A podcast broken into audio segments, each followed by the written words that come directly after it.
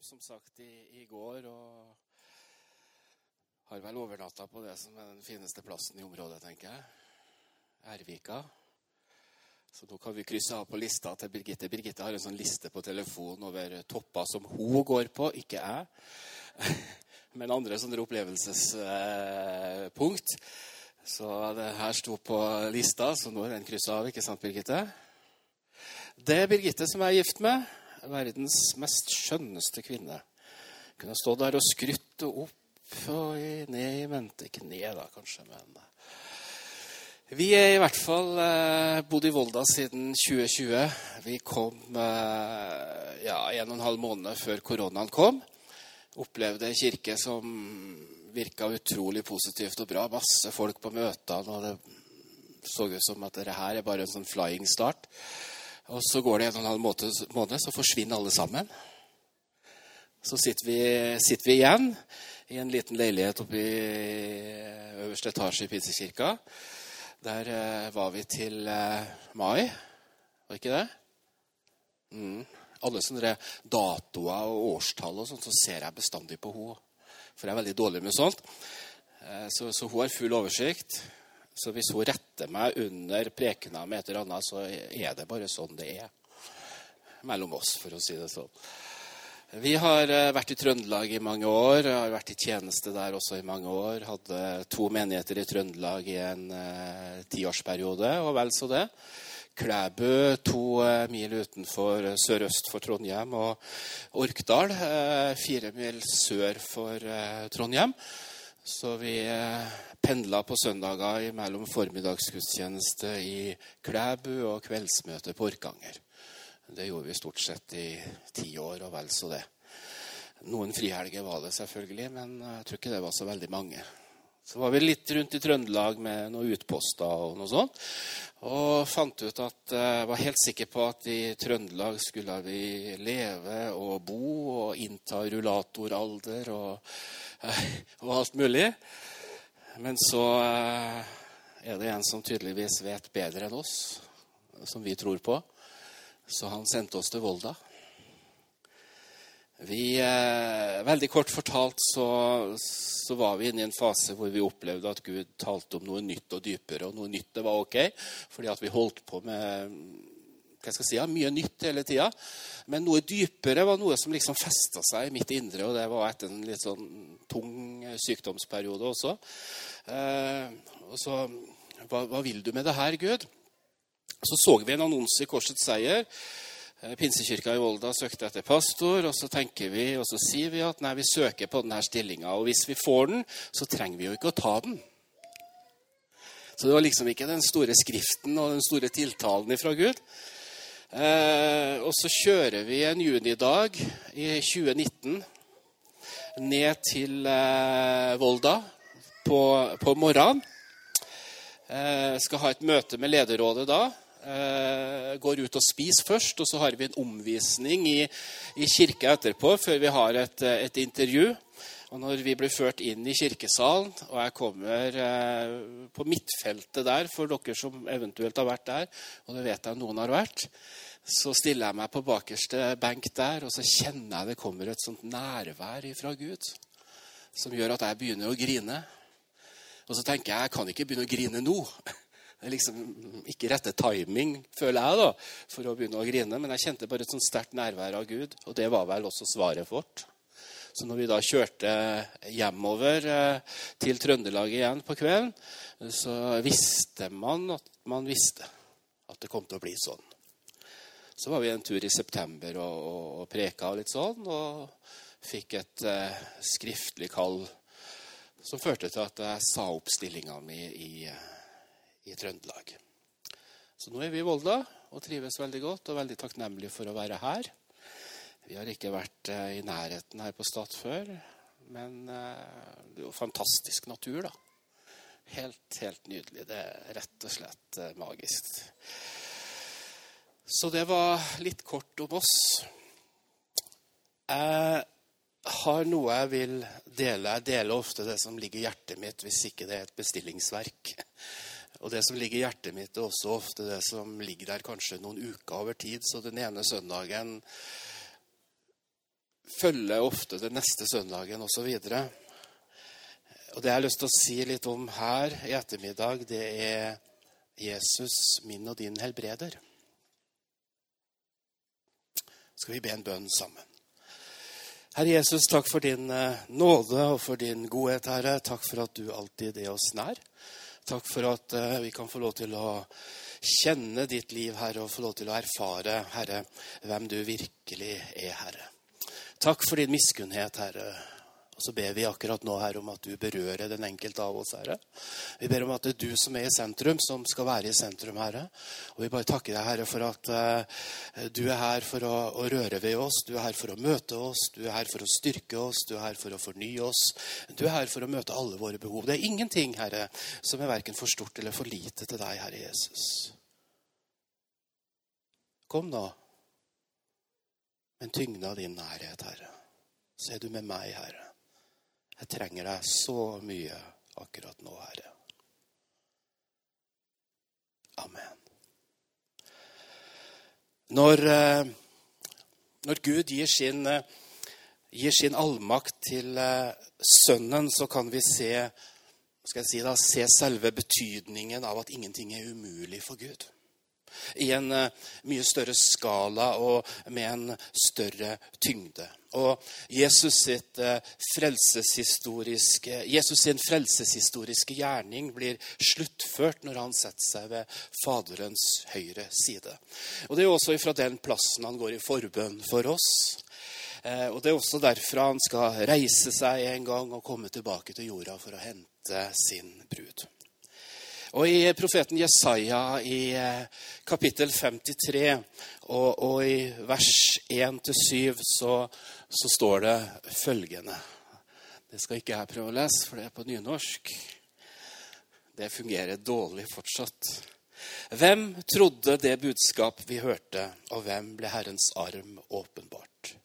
For han skjøt opp som en spire for hans åsyn, som et rotskudd ut av et ut av tørr jord. Han hadde ingen vakker skikkelse og ingen herlighet. Når vi så han, fikk vi ingen glede i synet av han. Han var forkastet, eh, foraktet av mennesker og en smertens mann, vel kjent med sykdom. Folk skjulte sitt ansikt for han. Han var foraktet, og vi regnet han som intet.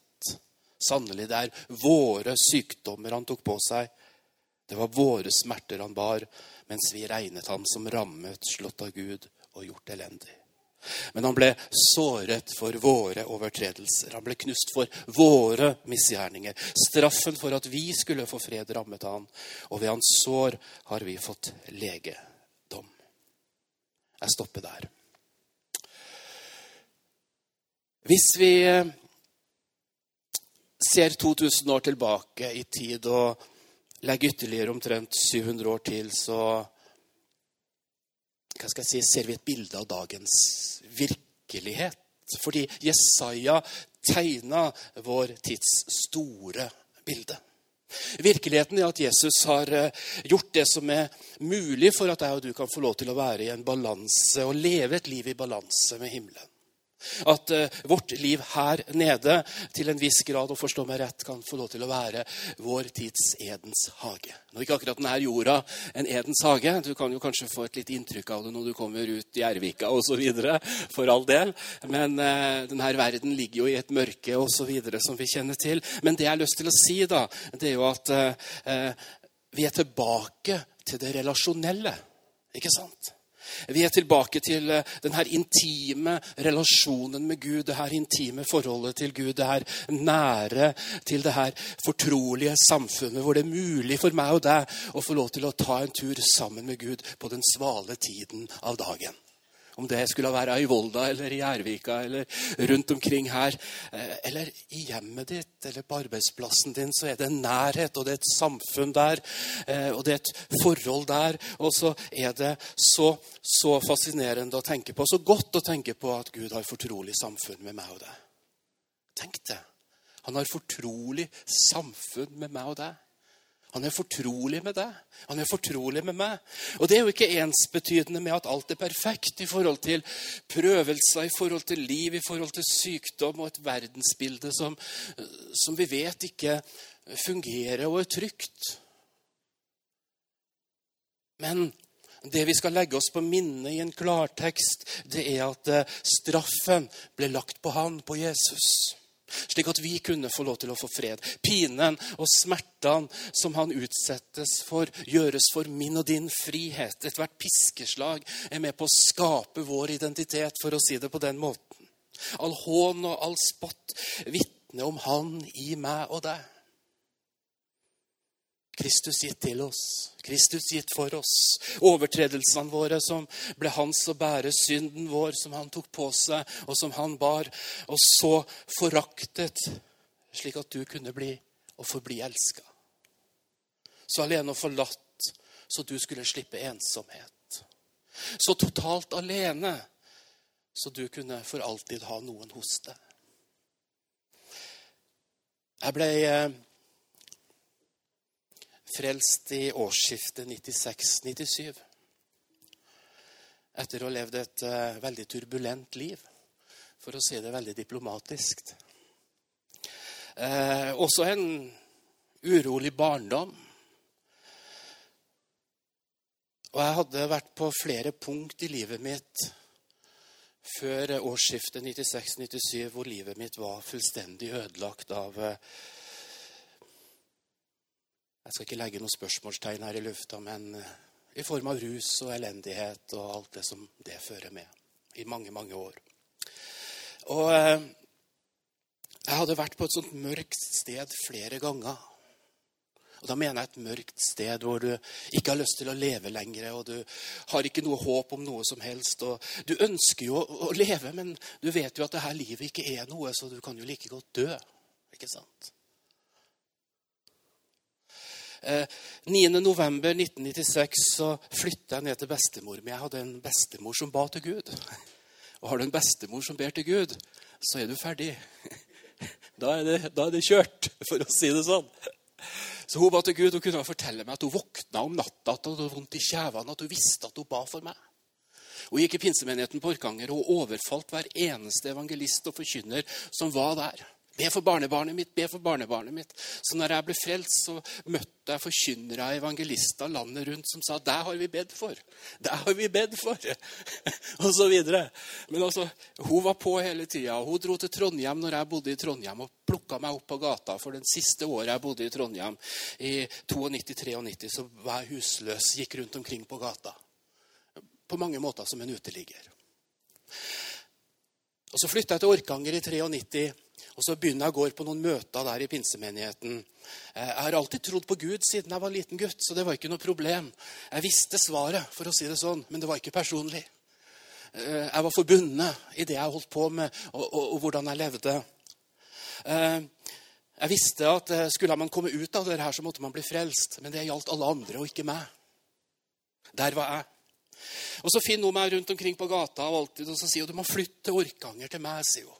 Flytt Orkanger, flytt fra Trondheim. Og til slutt, da, i 93, så var Trondheim som by, eh, og det livet jeg levde der, oppbrukt, for å si det på den måten. Og Så flytta jeg til Orkanger og begynte å gå på møter der, fordi at hun sa kan du ikke bli med meg på møte, da, sier hun. Og Det var den eneste personen jeg betydde, brydde meg om. Det var den eneste personen jeg hadde respekt for, den eneste personen jeg kjente en eller annen form av kjærlighet til. Så jeg klarte ikke å si nei. Så jeg dro på møter og ble berørt av Gud var framme til forbønn nesten på hvert møte jeg var. Bøyde knær, og folk ba for meg, og jeg kjente Guds kraft. Men jeg ble ikke løst. Og Sånn holdt jeg på i tre år. Før jeg til slutt er så sliten av det her livet, hadde mista leiligheten min osv. Og, så, og så hadde prøvd å avslutte det her livet og ikke lyktes med det engang. Og da er du, da du mislykket når du ikke lykkes med det engang. Så husker jeg at jeg var sammen med bestemor mi og tanta mi og vaska rundt leiligheten eh, for å overlevere den tilbake til kommunen. Og eh, jeg tenkte da at eh, ja, nå skal jeg ta det med ro fram til nyåret. Hvile fordi at jeg var så sliten og trøtt. Og så skal jeg begynne på fullt igjen, for da har jeg fått hvilt ut og pusta ut. Og så kommer nyåret. En plass tidlig på nyåret. Jeg husker ikke dato eller dag. Så kommer denne tanken til meg.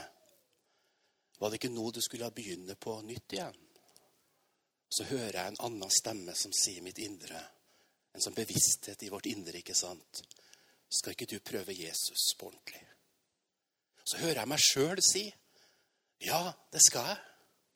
Og så sier den samme stemmen litt sånn rart. For det du prøver på ordentlig, det får du jo til. Og det var egentlig litt sånn mitt motto. Selv om alt jeg prøvde på, var negativt. da. og ikke noe som var positivt. Sånn normalt sett. Men jeg fikk jo til det som var negativt. da. Ikke så mye å skryte av, akkurat. Men så uh, hører jeg meg sjøl si ja, det får jeg til. Og der ble jeg frelst. Der ble jeg løst. Momentant løst ifra alt.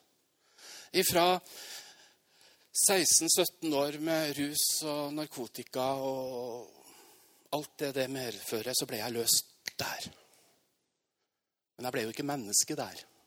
Det jobber vi fortsatt med. Birgitte jobber hardt med det, altså. men, eh, men eh, da får jeg lov til å oppleve å bli frelst og satt fri ifra alt. Du vet at Én ting er helbredelse og legedom, men opprettelse ikke bare tok han sykdom og plager som eh, kanskje vi ikke helt forstår av og til, men han reparerer oss. Det er jo klart Han som har skapt oss, han er også i stand til å reparere oss. Han istandsatt igjen og på så mange områder, saker og ting, at man kan nesten få følelsen av å bli gjenskapt. At uh, det her begrepet, den nye skapningen, blir så utrolig reelt og sant. Det er virkelig hva Jesus gjør. Det er det han er i stand til å gjøre.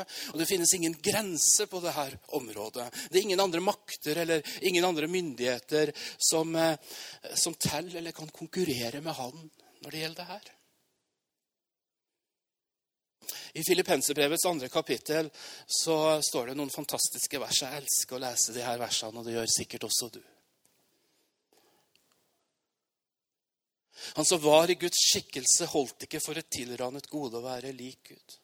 Men han uttømte seg selv, står det i min oversettelse. Tok på seg en tjeners skikkelse og kom i menneskers likhet. Og da han i sin fremtreden var funnet som et menneske, fornedret han seg selv og ble lydig til døden, ja, til døden på korset.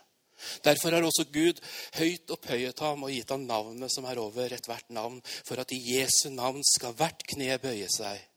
Dere som, er dere som er i den himmelske verden, og dere som er på jorden, og dere som er under jorden, for at hver tunge skal bekjenne at Jesus Kristus er Herre til Gud Faders ære. Åpent lyst til skue handler ikke om et tildekket og et skjult frelsesverk.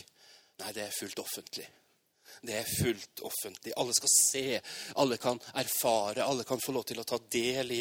Alle skal vite om man tror på eller ikke tror på, om vi er på lag med Jesus eller om vi ikke er på lag med Jesus. Og det er det vi forkynner, og det er det som vi eier og har, tenker jeg. Og, og, og det som vi har, det vi har fått, det har vi. Og det vi har, det kan vi også få lov til å gi til andre mennesker. Det vi ikke har, det blir mye vanskeligere å kunne gi videre til andre mennesker. Men det vi har, det vi eier, det kan vi få lov til å gi videre. Og vi har det her evangeliet. Vi har det her ordet i våre liv. Vi har det her budskapet, vi har den her kraften. Vi har det her vi har fått, og vi kan få lov til å levere det videre til andre mennesker. Og det er nettopp det vi skal gjøre, jeg og du skal gjøre på ulike måter. Og det forteller oss om et frelsesverk hvor det er ingen grenser, og at det dermed er slik at ingenting er umulig for Gud. Får du noe ut av det her? Det er et sånt manipulerende spørsmål. Men eh, jeg håper det. Og så er det jo sånn at vi da kobler ofte vår tro, som noen ganger også er liten og svak. Eh, vår tro som bærer på brister. Eh, vår tro som også rystes av og til, og som også utsettes for tvil. Jeg snakker ikke om de store spørsmålene i forhold til det teologiske, de grunnleggende sannheter. Men altså livet vårt, i hvert fall mitt liv, kanskje ikke ditt, det, det er jo litt sånn. Og noen ganger så er du der, altså. Og jeg tenker at det bør være rom for tvil i min tro. Ikke tvil i forhold til eh, de grunnleggende ting. Men altså, vi møter en verden som, som kan overvelde oss mange ganger, som er så tungt og som er så slitsomt osv. Og, så og, og, og vi rystes og har vært i livssituasjoner hvor ting har vært tungt og vanskelig i forhold til sykdom. Jeg har aldri liksom lurt på Guds sannheter. Men, men altså, det kommer jo en snev av tvil. Hvor tro rystes, for å si det på den måten, da. Men så er det sånn at plutselig da, så kan også den store sannheten bli når, når Gud kommer til, så strekker også vi til. Vi gjør faktisk det. Fordi det er nettopp slik å være i Kristus og få lov til å leve med Jesus og få lov til å legge sin svake hånd i Guds sterke hånd. Så blir det heller ingenting umulig for den som tror. Og det er også noe av troens gave til oss. Så her i ettermiddag. Ved hans sår så har vi fått tilgivelse for våre overtredelser. Ved hans sår så har vi fått nåde for våre misgjerninger. Ved hans sår så har vi fått frihet fra straffens dom. Ved hans sår så har vi fått legedom for våre sykdommer. Ved hans sår så har vi arvet en himmelsk arv. Og ved hans sår så har vi fått en himmelsk autoritet og en himmelsk salvelse og en kraft som vi kan få lov til å bære med oss rundt omkring i dette livet, helt til Jesus kommer og henter oss hjem. Vi har fått. Vi har fått han har sagt 'vær så god'. Vi har fått. Vi eier med andre ord. Og det eneste vi trenger å gjøre, det er å ta imot Guds gave. Guds gave som er evig liv, som er frelse. Men også alt det som følger med da, å leve sammen med Jesus Kristus. Vi har dermed fått noe av Gud, hvor vi bl.a. Med, med frimodighet, med stor frimodighet kan si til oss sjøl og til alle andre Jesus, du er min helbreder. Jesus, du er min helbreder. Kan jeg dele et vitnesbyrd her? Altså, Vi har jo alle sikkert opplevd helbredelse, eller kjenner noen som har opplevd helbredelse. og Jeg har opplevd personlige helbredelser etter det her livet jeg levde, som gikk på noen sykdommer som jeg hadde da. Jeg har eh, opplevd eh, helbredelser i tjeneste. Jeg har fått lov til å be for folk, og folk har blitt helbreda. Du har bedt for folk, og folk har blitt helbreda etter hvert. Eh, og, og, og, for min egen del. I, i, i 2011 så opplevde jeg en helbredelse etter å ha vært eh, veldig utslitt i et par år. Kroppen fungerte ikke, det ble tyngre og tyngre. Jeg var til lege, utprøvd og utreda for det ene og det andre. Fant ikke noe svar, og til slutt så finner legene en svulst, en kul, innvendig i noen vitale organer som hindrer eh, vitale funksjoner, for å si det sånn. Og jeg var egentlig glad for diagnosen, for da fikk jeg endelig et svar på hva som var problemet mitt. Eh, og de foretar et inngrep hvor de da fjerner denne kuren, eller spalter den og fjerner den. Og det skulle være greit. Og jeg kjenner at ja, men det ble greit. Oi, nå, nå ble ting bedre. Men så går det et par måneder, og så begynner det å bli likens. Og Så drar jeg til lege på nytt igjen, og så sier legen at du, denne kuren den har kommet tilbake. Så det eneste vi kan gjøre nå, det er at du må se for deg to operasjoner på Rikshospitalet, og sannsynligvis en tredje også et år etterpå. Og verden min raste fullstendig. Den hadde allerede rast et par år før denne diagnosen, i hvert fall et halvannet år eller noe sånt. Og jeg kjente at to operasjoner og et sykdomsforløp på en to-tre år fram i tid. Hvor i all verden skal jeg hente overskudd og energi til dere her? Gud, hvor er du hen? Og Jeg må være ærlig og si at jeg opplevde Gud nært, men jeg opplevde han også langt borte. Vi eh, har besøk, et besøk i januar 2011 av en som ble en god venn av meg og Birgitte. Han heter Roger Larsson eh, svensk frelsesarmé-soldat med en sterk profetisk og evangelisk tjeneste. Det er sikkert mange som kjenner til han og kanskje har hørt navnet hans. Han var mange ganger hos oss i Klæbu, og jeg og Birgitte vi har vært og besøkt han i Oppsala ved et par anledninger i leiligheten hans også. Jeg har hatt god kontakt med Roger helt siden eh, ja, 2009-2010, tenker jeg fram til for en fire-fem år siden. Nå er Roger blitt så skral at han eh, ikke kan være der lenger. At han plutselig ringer en kveld så sier han, ja, det her er Roger Larsson. Og så kommer det et profetord til deg på direkten i telefonen. så kjenner du bare at dette her er Gud. Eh, han har en så sterk tjeneste og vært så viktig for, for oss og for min tjeneste i, i, mange år. Han har vært så retningsgivende og korrigerende for oss. Så jeg er så takknemlig for at han la oss på hjertet vårt i en periode av livet vårt. Men eh, Roger er da i Klæbu. Vi har en pastor- og ledersamling på fredag og lørdag. Et åpent seminar på lørdag med flere. Vi har eh, et kveldsmøte på, på, på, på lørdag og to møter på søndag. Og så kjører jeg ham til flyplassen på mandag. Og To timer etter at jeg hadde levert Roger på flyplassen, så skulle jeg til sykehuset til St. Olav for å ha den siste utredninga i forbindelse med operasjon og, og, og Rikshospitalet og det her. En ny undersøkelse og litt sånn info og sånn.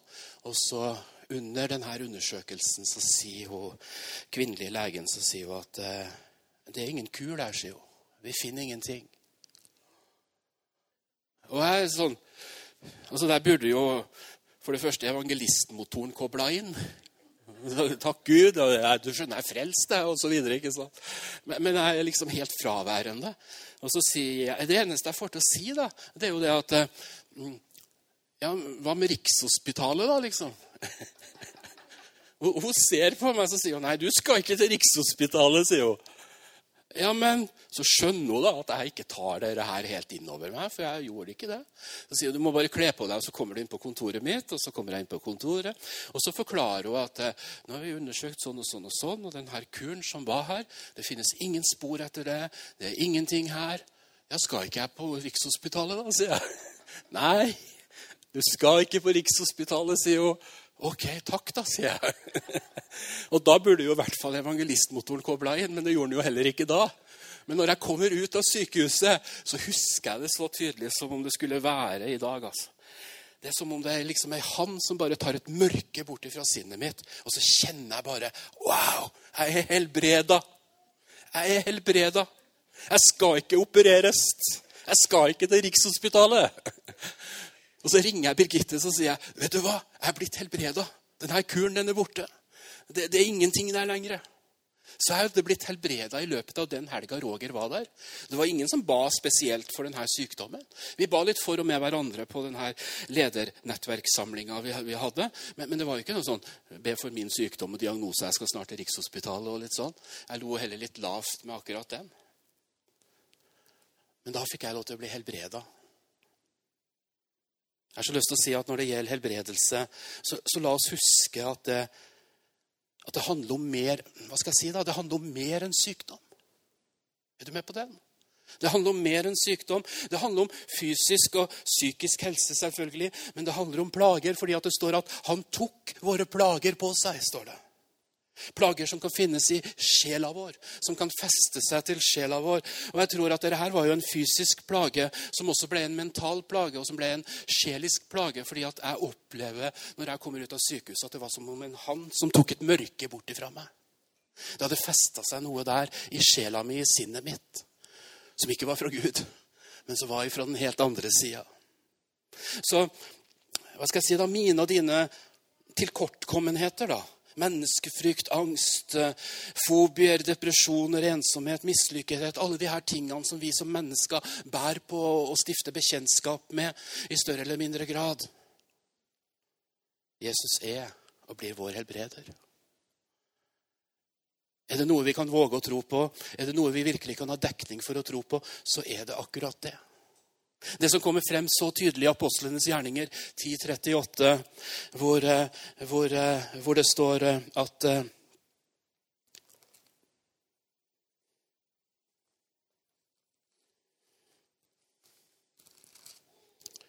Hvordan Gud salvet Jesus fra Nasaret med Den hellige ånd og med kraft, han som gikk omkring og gjorde godt og helbredet alle som var undertrykt av djevelen, fordi Gud var med ham. Er ikke fantastisk? Er ikke Guds ord fantastisk? Tenk vi kan forholde oss til det her. Den største sannhet, den eneste sannhet. Han som gikk rundt og gjorde vel, han som gikk rundt og helbreda. Han som gikk rundt og helbreda alle som var underkua. Han som gikk rundt i kraft og, og, og, og med kraft fordi Gud var med ham. Underkua er et ord som jeg kjenner godt. Jeg ser for meg en bøyd holdning, en nedbøyd sjel, en smerte som kanskje er psykisk, og som gir et fysisk uttrykk. Jeg ser for meg oss som bærer på byrder som vi ikke blir kvitt. Som bærer på vonde sår fra barndom og fra levd liv. Vi er jo et produkt av levd liv. Som bærer på noe som trykker livet vårt ned. Og det er nesten som om vi da aksepterer at det skal være slik at dette her blir vi ikke kvitt. Men bare vi kan komme dit at ting kan bli bedre, så kan vi leve med det. Men Jesus Kristus, han setter oss fri fra våre plager. Det fortjener nesten et ammen i kirka. Et halleluja kanskje òg. Et svakt et. Du vet at Jeg er ingen helbredelsespredikant, men, men jeg forkynner det ordet som legges på meg. Og det her er det som er lagt på meg nå. Og Jeg kjenner at man blir så frimodig akkurat i det, i det å forkynne ordet. da. Ikke sant? Det er jo ordet som leverer. Det er jo ikke jeg som leverer noe som helst, men det er Guds ord som leverer. Det er Guds ånd i oss som tar imot ordet, og så blir det noe. Og så kan man av og til få lov til å være den da, som får lov til å formidle noe. Han, Jesus, som kom for at du skulle ha liv, liv i overflod, og et godt liv med han. Og så er det jo også sånn, og jeg tror det er viktig å snakke ærlig om livet Livet kan også være urettferdig og vondt. Selv om man er en kristen. Men det tar jo ikke bort selve sannheten. At Jesus kan sette deg fri. Ikke sant? Og Så kan vi stille spørsmål ved tornen i vårt kjød, slik som Paulus også gjorde. Men Jesus er likevel han som går rundt og gjør vel og helbreder. Amen. Jeg skal avrunde her. Birgitte ser på meg, har en tendens til å si det noen ganger. At jeg skal avrunde nå. Så nå har hun begynt å telle. Det var én. Jeg skal prøve å oppføre meg pent, Birgitte. Jesaja 53, 11 og 12. Så, så står det der.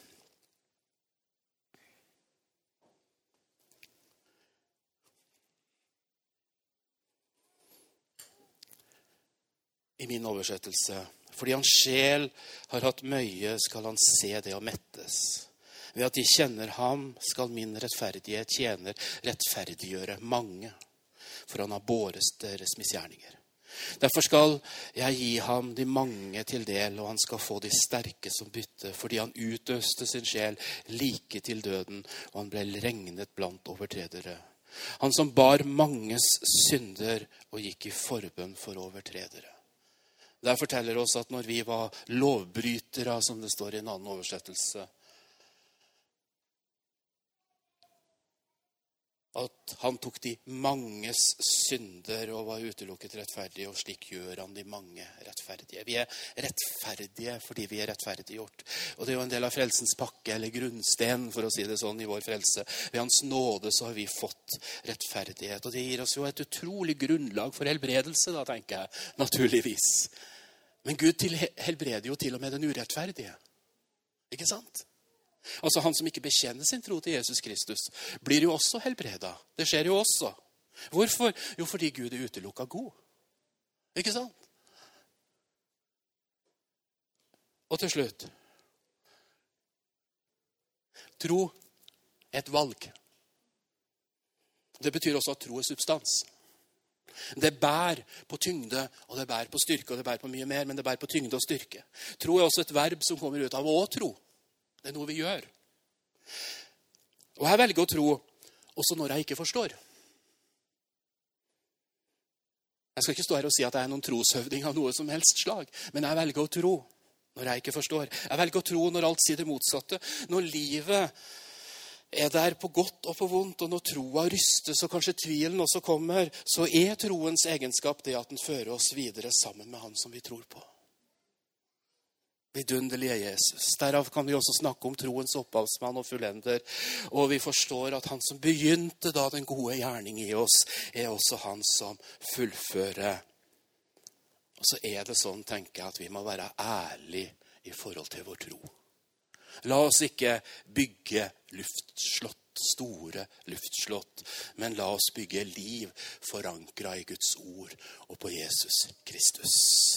Og Det er da vi kan få lov til å si, fordi vi vet, og kanskje til og med har sett og erfart, kanskje begge deler, at eh, Jesus er vår helbreder.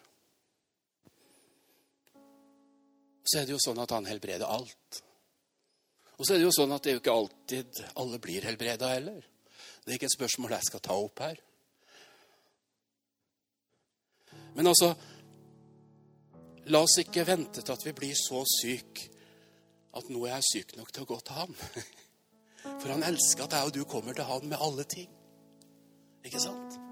Det trenger ikke å bli helt gæli for at vi går til ham. Det er ikke noe som er for smått til ham. Han elsker jo at jeg og du kommer til ham. Altså, det er klart at En alvorlig kreftdiagnose er alvorligere enn en bihulebetennelse. Men jeg hadde bihulebetennelse forrige uke, og jeg ba til Gud. Inderlig. Kjære Gud, ja, 14 dager siden er det vel sånn omtrent. Kjære Gud, jeg er nødt til å bli fri til pinsestevnet vårt. Sett meg fri.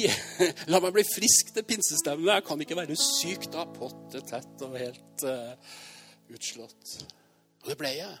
Og så kom det tilbake etterpå. da. Hva gjør du da? Da ber du på nytt igjen. Og nå er jeg nå i hvert fall ikke så gæren når jeg står her. Ikke så tett. Det var det jeg ville dele med dere. Jesus han er vår helbreder. Og Vi har hørt det så mange ganger, og vi kjenner det så vel. Men av og til så trenger vi å minne hverandre på dere her. At Jesus Kristus helbreder oss. Han er vår helbreder, han er vår lege. Ikke bare for diagnoser som vi liksom kjenner til, og høyt blodtrykk og alle de her tingene. Men også ting i sjela vår som noen ganger kan være tungt og kan være vanskelig. Jeg er så takknemlig. I, i lys av min bakgrunn er jo én ting, men også i dag, hvor jeg opplever meg som noenlunde oppretta og i funksjon, så er jeg så glad for at han rører ved min sjel. At han er også min sjelslege. Justere tingene litt grann der. Skal vi reise oss og be sammen? Skal vi gjøre det? Daniel sa jeg skulle få lov til å være helt fri her. så eh, går jeg over grensene, så får han bare kjefte på meg etterpå. Veldig takknemlig for å være her, for innbydelsen og, og, og muligheten for å se dere og bli kjent med dere og se noen ansikter av flere. Takk for at du hørte på. Har du spørsmål eller ønsker å koble deg på kirka, ta kontakt på mail eller gjennom vår nettside. Håper du vil høre på neste uke også, eller at vi sees på gudstjenesten.